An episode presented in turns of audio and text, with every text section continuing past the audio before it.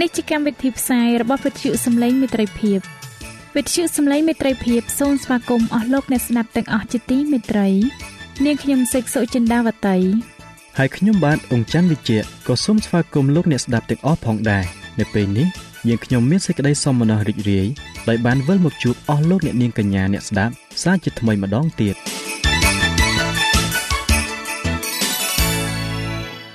នាងខ្ញុំសេកសុចិន្តាវតី សូមជម្រាបជូនកម្មវិធីផ្សាយដែលមានជាបន្តបន្ទាប់ដូចតទៅនេតិជួបជាមួយព្រះបន្ទូលនេតិសុខភាពចា៎លោកអ្នកស្ដាប់ជាទីមេត្រី នាងខ្ញុំសូមគោរពអញ្ជើញអស់លោកលោកស្រី អ្នកនាងកញ្ញាតាមដានស្ដាប់កម្មវិធីផ្សាយរបស់វិទ្យុយើងខ្ញុំដូចតទៅ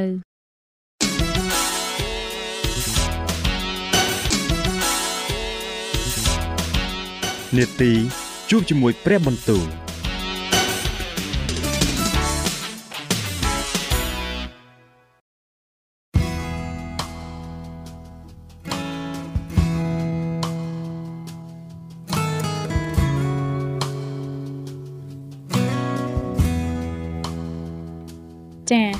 អស់លោកអ្នកស្ដាប់ជាទីមេត្រី ជាដំបូងនាងខ្ញុំសូមអញ្ជើញលោកអ្នកនាងស្ដាប់នេតិជួបជាមួយព្រះបន្ទូល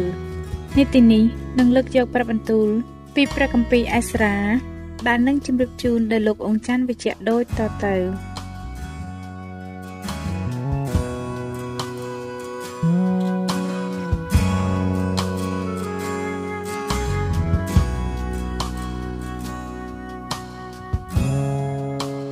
ព្រះគម្ពីរអេសារ៉ាជំពូកទី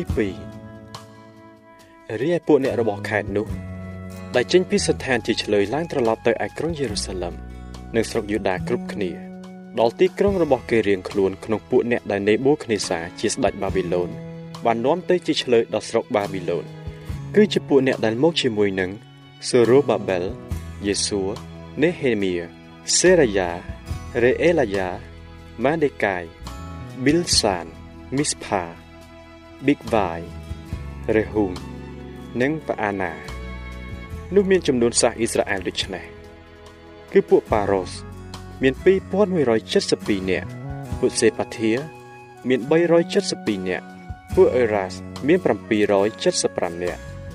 ពួកផាហាតម៉ូអាប់ខាងកូនចៅយេស៊ូនិងយ៉ូអាប់មាន2812នាក់ពួកអេឡាំ មាន1254នាក់ពួកសាធូមាន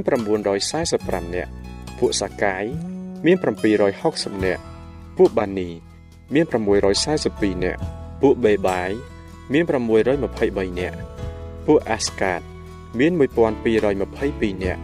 ពួកអាដូនីកាម មាន666នាក់ពួកប៊ីកវ៉ៃមាន2056នាក់ពួកអេឌីន មាន454នាក់ ពួក Ether ខាង Hezekia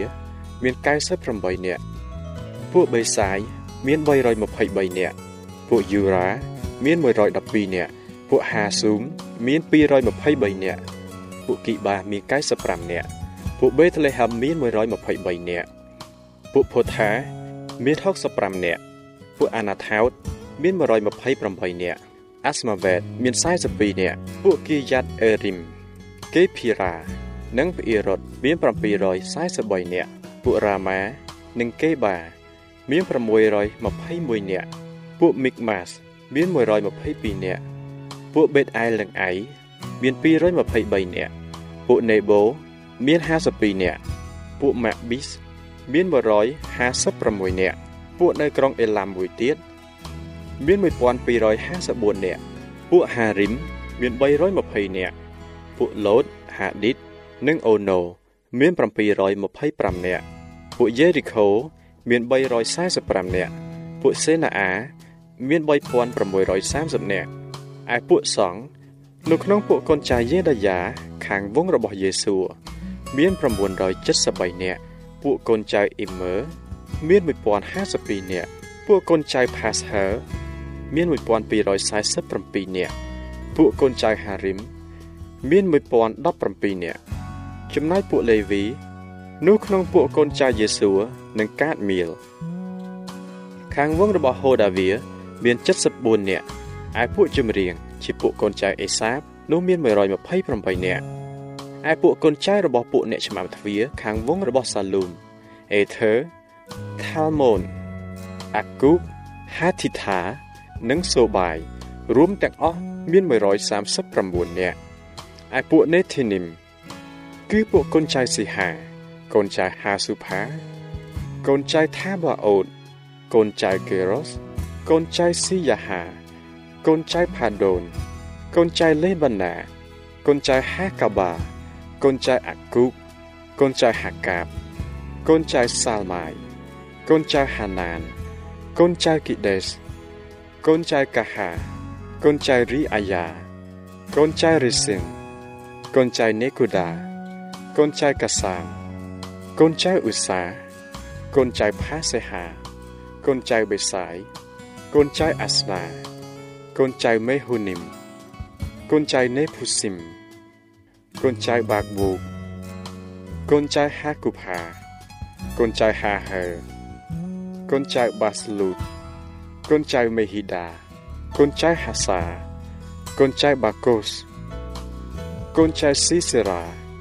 កូនចៅនេភូស៊ីមកូនចៅបាកបូកកូនចៅហាគូផាកូនចៅហាហើកូនចៅបាស្លូតកូនចៅមេហ៊ីដាកូនចៅហាសាកូនចៅបាកូសកូនចៅស៊ីសេរ៉ាកូនចៅថាម៉ាកូនចៅណាស៊ីយ៉ានិងកូនចៅហាធីផារីឯពួកកូនចៅរបស់មហាថ្លឹកនៃសាឡូមោនគឺកូនចៅសុថាយកូនចៅសូភេរ៉េកូនចៅពេរូដា កូនចៅយ៉ាអាឡា កូនចៅដាកុនកូនចៅគីដែលកូនចៅសេផាធាកូនចៅហាធីលកូនចៅផូកេរ៉េតពីសេបៃនិងកូនចៅអាម៉ូន ឯពួកនេធីនីមនិងពួកកូនចៅរបស់ពួកមហាថ្លឹកនៃស្ដេចសាឡូមោនរួមទាំងអស់មានចំនួនជា392នាក់ឯពួកអ្នកទាំងប៉ុន្មានដែលបានចេញពីក្រុងថេលមេឡាក្រុងថេលហារីសា ក្រុងកេរ៉ូបក្រុងអាដាន និងក្រុងអេមើឡើងទៅ តែពុំអាចនឹងប្រាប់ចំនួនវងឬពីពូជវងរបស់ខ្លួនឲ្យដឹងជាពូជអ៊ីស្រាអែលឬមិនមែនបានទេនោះគឺពួកកូនចៅដេឡាយ៉ាកូនចៅថូប៊ីយ៉ា និងកូនចៅនេកូដារួមទាំងអស់មាន652នាក់ហើយខាងកូនចៅពួកសង្ឃមានកូនចៅហាបាយ៉ាកូនចៅហាកូសកូនចៅបាស៊ីឡាយជាអ្នកដែលយកកូនស្រីបាស៊ីឡាយជាអ្នកស្រុកកាឡាធ្វើជាប្រពន្ធហើយក៏ត្រូវហៅតាមឈ្មោះគេពួកអ្នកទាំងនោះបានរកបញ្ជីជាតិរបស់ខ្លួនក្នុងពួកអ្នកដែលបានរាប់តាមពងសាវតាតែរកមិនឃើញសោះឡើយដូច្នេះគេត្រូវរាប់ទុកដូចជាមានសៅម៉ងហើយ ក៏ត្រូវបណ្ដេញចេញពីការងារជាសងទៅ ហើយលោកចាវាយបានហាមគេថាមិនត្រូវបរិភោគពីរបស់បរិសុទ្ធបំផុតឡើយដរាបដល់គ្រាមានសង្ឃម្នាក់តាំងឡើងដែលមានយូរីមនិងធូមីមរីឯពួកជំនុំទាំងអស់រួមគ្នាមាន42360នាក់ឥតរាប់ពួកបាយប្រុសបាយស្រីរបស់គេ ដែលមាន7337នាក់ទៀតឡើយហើយក្នុងពួកគេក៏មានពួកចម្រៀងប្រុសស្រី200នាក់ដែរ ឯសេះរបស់គេ មាន736លាកាត់មាន245សត្វអូតមាន435និងលាមាន6720ឯពួកអ្នកខ្លះជាកំពូលលើវងរបស់ឪពុកគេ កាលបានមកដល់ព្រះវិហារព្រះយេហូវ៉ានៅក្រុងយេរូសាឡិមហើយនោះគេក៏ថ្វាយដង្វាយស្ម័គ្រពីចិត្តសម្រាប់នឹងស្អាងព្រះវិហារនៃព្រះ នៅកន្លែងចាស់ឡើងវិញ គឺគេថ្វាយមាស61000ដារិក ប្រាក់5000ម៉ាណេនិងសម្លៀកបំពាក់ពួកសង100សម្រាប់ដាក់ក្នុងឃ្លាំងសម្រាប់ការនោះតាមកម្លាំងរៀងខ្លួនដូច្នេះពួកសង្ឃពួកលេវី ពួកជនខ្លះពួកចម្រៀង ពួកឆ្មាំទ្វារនិងពួកនេធីនីមក៏បាននៅក្នុងទីក្រុងហើយពួកអ៊ីស្រាអែលទាំងអស់បាននៅក្នុងទីក្រុងរបស់ខ្លួនដែរព្រះគម្ពីរអេសារ៉ាចំពុកទី3នោះដល់ខែអាសុចកាលពួកកូនចៅអ៊ីស្រាអែលទាំងប៉ុន្មាន បាននៅក្នុងទីក្រុងរបស់ខ្លួនហើយនោះពួកបណ្ដាជនក៏មូលគ្នានៅក្រុងយេរូសាឡិមមានចិត្តតែមួយ គ្រានោះយេស៊ូជាកូនយូសាដាហើយពួកសង្ឃជាបងប្អូនលោកនិងសេរូបាបែលជាកូនសាលធៀលហើយបងប្អូនរបស់លោកក៏នាំគ្នាស្អាងអាសនានៃព្រះ ជាព្រះនិស្សិតអ៊ីស្រាអែលដើម្បីឲ្យបានថ្វាយដង្វាយដុតតាមដែលបានកត់ទុកក្នុងក្រឹតវិន័យរបស់លោកម៉ូសេជាអ្នកសំណប់របស់ព្រះ គេក៏ដាក់អាសនានោះ នៅលើជើងកំណល់ពីព្រោះគេមានសេចក្តីភ័យខ្លាចដល់ពួកអ្នកស្រុកនោះហើយក៏ថ្វាយដង្វាយដុតដល់ព្រះយេហូវ៉ានៅលើអាសនៈនោះគឺដង្វាយដុតថ្វាយទាំងពេលព្រឹកនិងពេលល្ងាចផង គេធ្វើបុណ្យបារម្ភដូចជាបានកត់ទុកហើយក៏ថ្វាយដង្វាយដុតរាល់តែថ្ងៃឲ្យត្រូវចំនួនតាមរបៀបតាមដែលត្រូវការរាល់រាល់ថ្ងៃតពីនោះមកក៏ថ្វាយដង្វាយដុតដែលត្រូវថ្វាយជានិច្ចនិងដង្វាយចូលខែ ហើយដង្វាយថ្ងៃបុណ្យមានកំណត់ទាំងប៉ុន្មាននៃព្រះយេហូវ៉ាដែលបានតាំងឡើងជាបរិសុទ្ធព្រមទាំងដង្វាយរបស់អស់អ្នកដែលថ្វាយដល់ព្រះយេហូវ៉ាដោយស្ម័គ្រចិត្តដែរគេចាប់តាំងថ្វាយដង្វាយដុតដល់ព្រះយេហូវ៉ាគឺពីថ្ងៃដំបូងក្នុងខែអាសត់តែជើងជញ្ជាំងរបស់ព្រះវិហារនៃព្រះយេហូវ៉ាមិនទាន់បានដាក់នៅឡើយគេដួលពួកគេជួលពួកជាងថ្ម និងពួកជាងឈើក៏ឲ្យស្បៀងអាហារនិងគ្រឿងផឹកហើយប្រេងដល់ពួកក្រុងស៊ីដូន និងពួកក្រុងទីរុសឲ្យគេទៅនាំឈើតាត្រៅពីភ្នំលបាណូនមកឯក្រុងយូបេតាមផ្លូវសមុទ្រដូចជាសេរុសជាស្ដេចពឺស៊ីបានប្រោះអនុញ្ញាតឲ្យនៅខែពិសាខក្នុងឆ្នាំទី2តាំងពីគេមកដល់ព្រះវិហារនៃព្រះនៅក្រុងយេរូសាឡឹមនូសូរូបាបែលជាកូនសាលធៀលនិងយេស៊ូជាកូនយូសាដាព្រមទាំងពួកសង្ឃនិងពួកលេវីជាបងប្អូនគេឯទៀតហើយអស់អ្នកដែលបានចេញពីសន្តានជាឆ្លើយ មកដល់ក្រុងយេរូសាឡឹមហើយគេចាប់តាំងធ្វើការឡើងក៏តម្រូវឲ្យពួកលេវីចាប់តាំងពីអាយុ20ឆ្នាំឡើងទៅបានចាត់ចែងការរបស់ព្រះវិហារនៃព្រះយេហូវ៉ានោះយេស៊ូនិងពួកកូនចៅហើយបងប្អូនលោកកាតមៀលនិងកូនចៅលោកដែលជាពួកយូដានិងពួកកូនរបស់ហេណាដាព្រមទាំងកូនចៅគេនិងពួកលេវីជាបងប្អូនគេផងក៏ប្រឹងប្រែងត្រួតមើលពួកជាងដែលធ្វើការក្នុងព្រះវិហារនៃព្រះ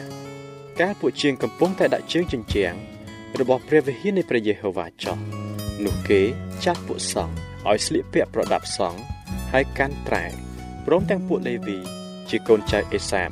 ឲ្យកាន់ឈឹងដើម្បីសរសើរដល់ព្រះយេហូវ៉ាតាមរបៀបរបស់ដាវីតជាស្ដេចអ៊ីស្រាអែលគេក៏ច្រៀងឆ្លើយគ្នាដោយពាក្យសរសើរហើយអរព្រះគុណដល់ព្រះយេហូវ៉ាថាទ្រង់ប្រកបដោយករុណាគុណសេចក្តីសប្បុរសនៃទ្រង់នឹងអស់កលជានិច្ចដល់ពួកអ៊ីស្រាអែល រួចបណ្ដាជនក៏ស្រែកឡើងជាសម្រេចយ៉ាងខ្លាំងក្នុងការដែលគេសរសើរដល់ព្រះយេហូវ៉ាយ៉ាងនោះដោយព្រោះជើងជញ្ជាំងព្រះវិហារនៃព្រះយេហូវ៉ាបានដាក់ស្រេចហើយតែមានគ្នាច្រើនក្នុងពួកសង្ឃពួកលេវីនិងពួកអ្នកជាកម្ពូលលើវងនៃពួកអាយកោជាមនុស្សចាស់ដែលឃើញព្រះវិហារមុន គេក៏យំជាខ្លាំងក្នុងការដែលឃើញដាក់ជើងជញ្ជាំងព្រះវិហារនេះក៏មានគ្នាច្រើនបានស្រែកហូដោយសេចក្តីរីករាយដែរ ដល់ម្លេះបានជាបណ្ដាជនរកស្គាល់សូរសំឡេងណាដែលអសប្បាយនិងសូរសំឡេងរបស់អ្នកដែលយំនោះមិនបានទេពីព្រោះគេស្រែកជាយ៉ាងខ្លាំងហើយសូរសម្រែកនោះក៏លឺទៅឆ្ងាយផង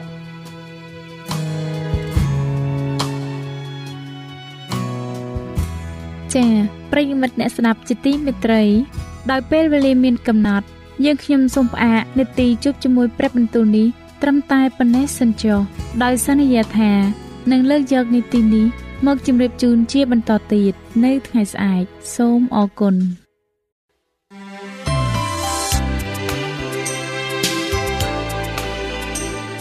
វិទ្យុសំឡេងមេត្រីភាព AWR នាំមកជូនលោកអ្នកនៅសារនៃសេចក្តីស្រឡាញ់ពីព្រះអង្គម្ចាស់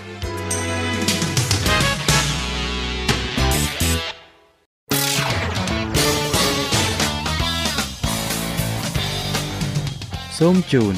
នីតិសុខភាព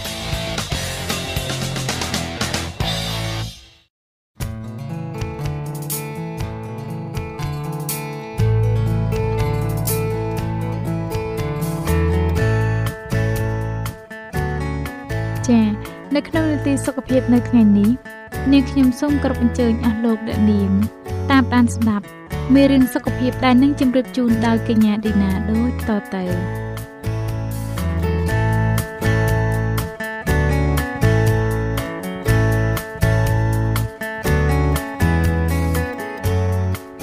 ចា៎អ្នកខ្ញុំសូមជម្រាបសួរអស់លោកអ្នកស្ដាប់ជាទីមេត្រីសូមឲ្យលោកអ្នកបានប្រកបដោយព្រះគុណនិងសេចក្តីសុខសាន្តអំពីព្រះដ៏ជាព្រះវរបិតានៃយើងហើយអំពីព្រះអម្ចាស់យេស៊ូវគ្រីស្ទអ្នកខ្ញុំមានអំណរណាស់ដែលវិលមកជួបលោកអ្នកសាជាថ្មីនៅក្នុងនាទីសុខភាពនេះម្ដងទៀតហើយនៅក្នុងថ្ងៃនេះនាងខ្ញុំសូមលើកយកមេរៀនដដែលមានចំណងជើងថាខ្ញុំមានហ្សែនមិនល្អ ចាការពិភាក្សាមុនលោកអ្នកបានស្គាល់ហ្សែនរួចមកហើយនៅថ្ងៃនេះនាងខ្ញុំសូមជម្រាបជូនលោកអ្នកបន្តទៀតពីចំណុចទី8ដែលនិយាយពីហ្សែនតទៅទៀតដូច្នេះនាងខ្ញុំសូមគោរពអញ្ជើញលោកអ្នកមកតាមដានស្ដាប់មេរៀនសុខភាពរបស់យើងដែលនិយាយពីហ្សែនភាគទី3ដូចតទៅចំណុចទី8និយាយពីរឿងសត្វកណ្ដុរកន្ធាត់សម្បុរលឿង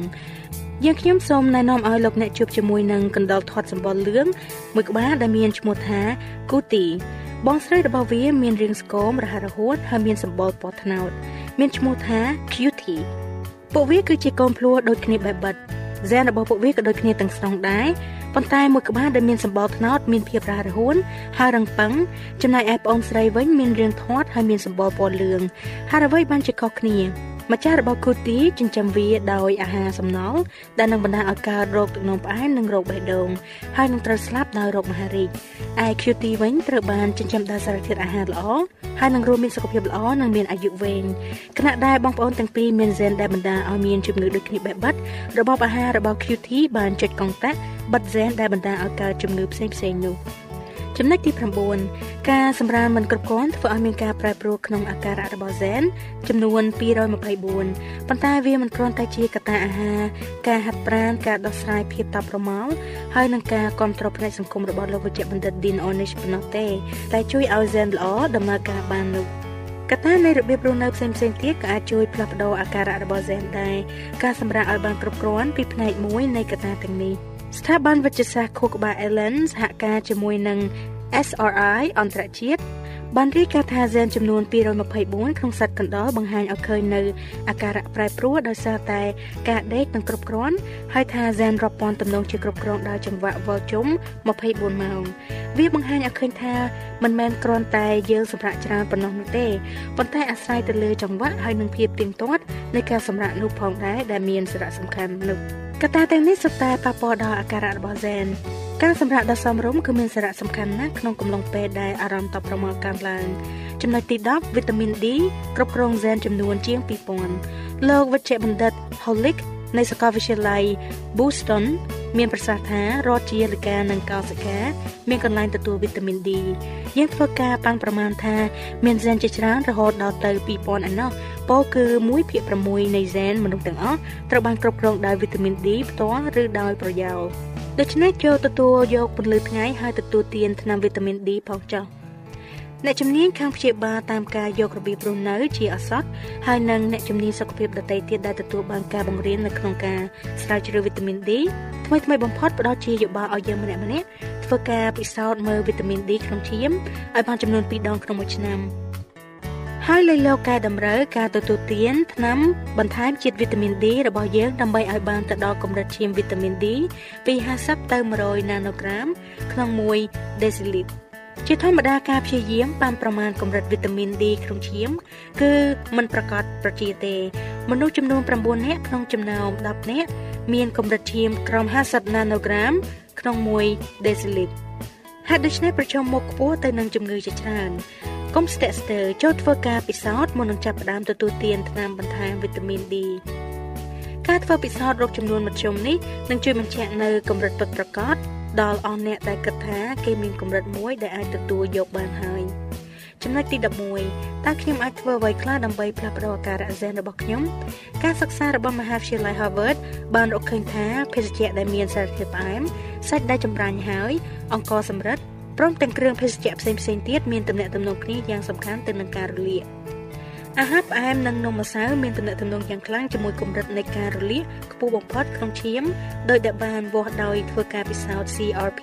ផ្នែកបេះដូងចា CRP គឺជាការធ្វើតេស្តទៅលើឈាមដើម្បីឲ្យបានដឹងពីការរលាកនៅក្នុងខ្លួនរបស់យើងអ្នកជំនាញផ្នែក clinic ទាំងឡាយឥឡូវនេះចាប់ផ្ដើមដឹងថាការកើនឡើងនៃ CRP បេះដូងគឺជាកត្តាប្រឈមមុខទៅនឹងគ្រោះថ្នាក់ផ្នែកសុខភាពយ៉ាងសំខាន់សម្រាប់ជំងឺបេះដូងទឹកនោមផ្អែមជំងឺក្រលៀនខូចប្រព័ន្ធប្រសាទជំងឺមហារីហើយនឹងជំងឺខូចប្រព័ន្ធការពាររាងកាយ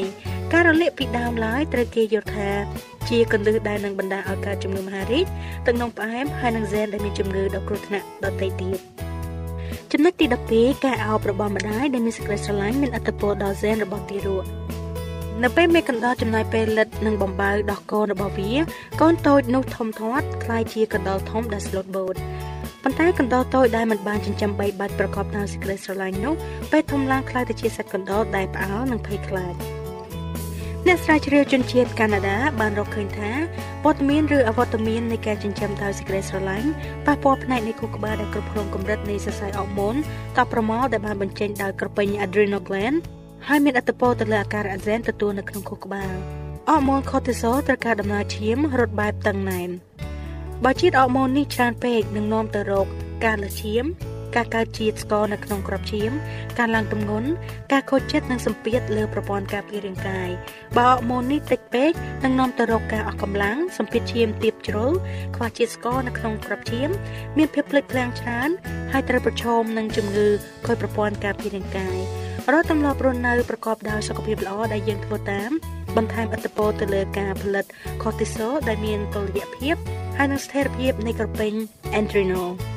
ភាពរឹងនិងភាពមាំមួននៃ adrenal របស់យើងជាញឹកញាប់គឺជាកត្តាកំណត់សមត្ថភាពរបស់យើងឲ្យនៅរស់រានមានជីវិតបើទោះបីជាមានគ្រោះថ្នាក់ធ្ងន់ធ្ងរជំងឺដំកាត់និងបាត់ពិសោធន៍ចិត្តស្លាប់ក៏ដោយការសិក្សាខាងផ្ដល់យោបល់ឲ្យយើងគួរតែធានាឲ្យបានថា យើងទទួលបានកម្រិតសុខភាពល្អរបស់យើងពីការអោបរៀងរាល់ថ្ងៃតើថ្ងៃនេះលោកអ្នកបានចែករំលែកនៅការអោបប្រកបដោយការយកចិត្តទុកដាក់ជាមួយសមាជិកក្នុងគ្រួសាររបស់អ្នកហើយឬនៅចាបើសិនអ្វីដែលពិតសម្រាប់កណ្ដុរក៏ពិតសម្រាប់មនុស្សលោកឪពុកអ្នកម្ដាយទាំងឡាយជាទីគោរព ចូលអោបក្រសោបនិងយកចិត្តទុកដាក់ប្រកបដោយសេចក្តីស្រឡាញ់ចំពោះទារករបស់ខ្លួនចុះហើយអ្វីត្រូវបណ្ដោយឲ្យពួកគេធំឡើងទៅជាភ័ន្តភាំងហើយខ្វះការអោបថ្នាក់ថ្នមដូច្នេះខណៈដែលទង្វើទាំងនេះសុទ្ធតែមិនចាំបាច់ចំណាយលុយផងនឹងហើយហេតុអ្វីមិនបន្តបំពេញតម្រូវការផ្នែកអារម្មណ៍របស់កូន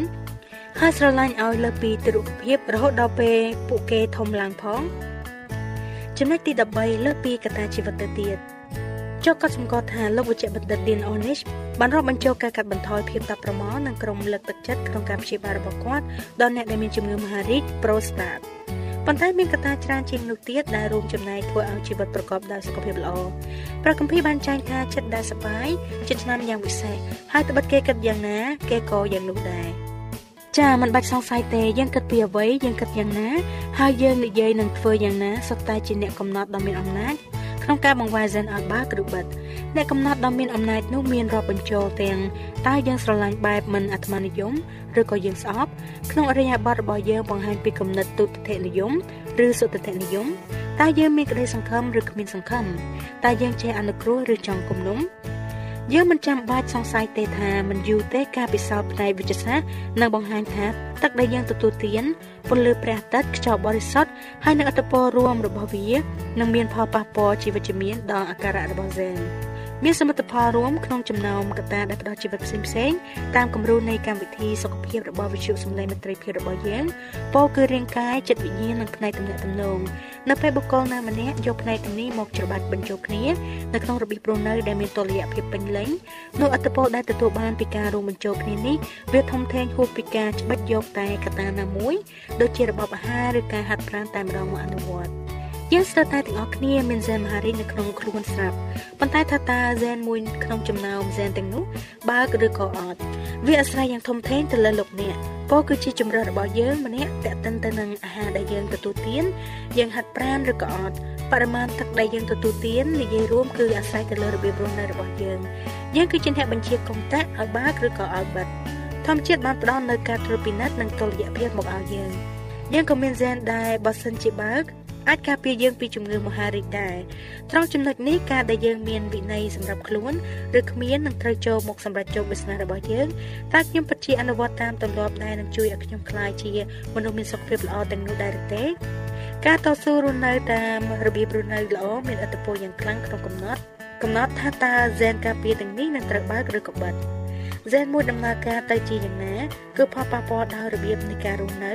និងកត្តាបរិយាកាសដែលនៅជុំវិញនិងឥទ្ធិពលផ្សេងផ្សេងទៀតយ៉ាងណាមិញវិជ្ជាការពិតផងដែរដែលមនុស្សខ្លះរស់នៅតាមរបៀបដែលប្រកបដោយសុខភាពល្អហើយតែក៏នៅមានជំងឺសាហាវៗដូចជាជំងឺបេះដូងជំងឺសន្លាក់ឬជំងឺមហារីកដដែល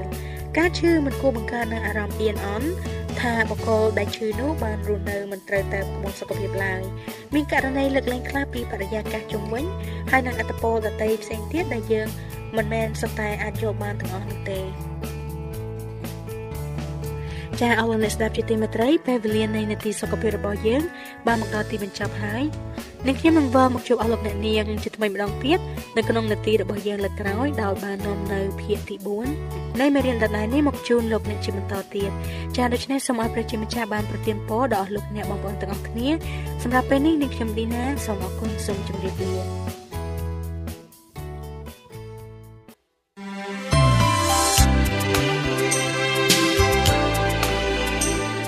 វិទ្យុសំឡេងមេត្រីភាព AWR មានផ្សាយពីរដងក្នុងមួយថ្ងៃគឺព្រឹកនៅម៉ោង6និងពេលយប់នៅម៉ោង8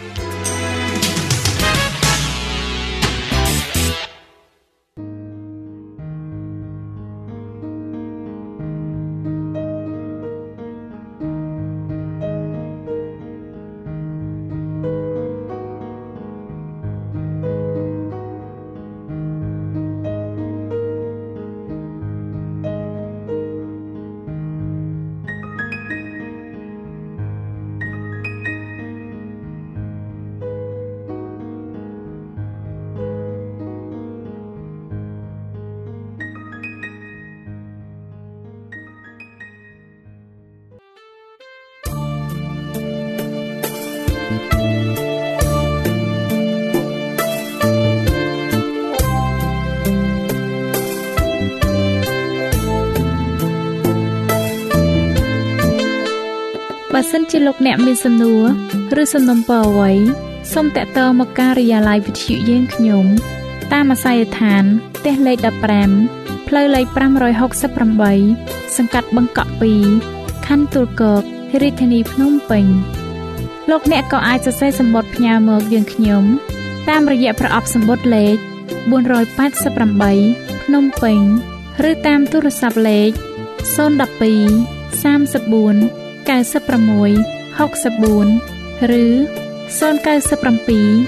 80 81 060ឬក៏តាមរយៈអ៊ីមែល vol@awr.org យើងខ្ញុំរងចាំទទួលស្វាគមន៍អស់លោកអ្នកនាងដោយក្តីសោមនស្សរីករាយហើយលោកអ្នកក៏អាចស្ដាប់កម្មវិធីនេះឡើងវិញ ដោយចូលទៅកាន់ website របស់វិទ្យុយើងខ្ញុំ តាមរយៈអាស័យដ្ឋាន www.awr.org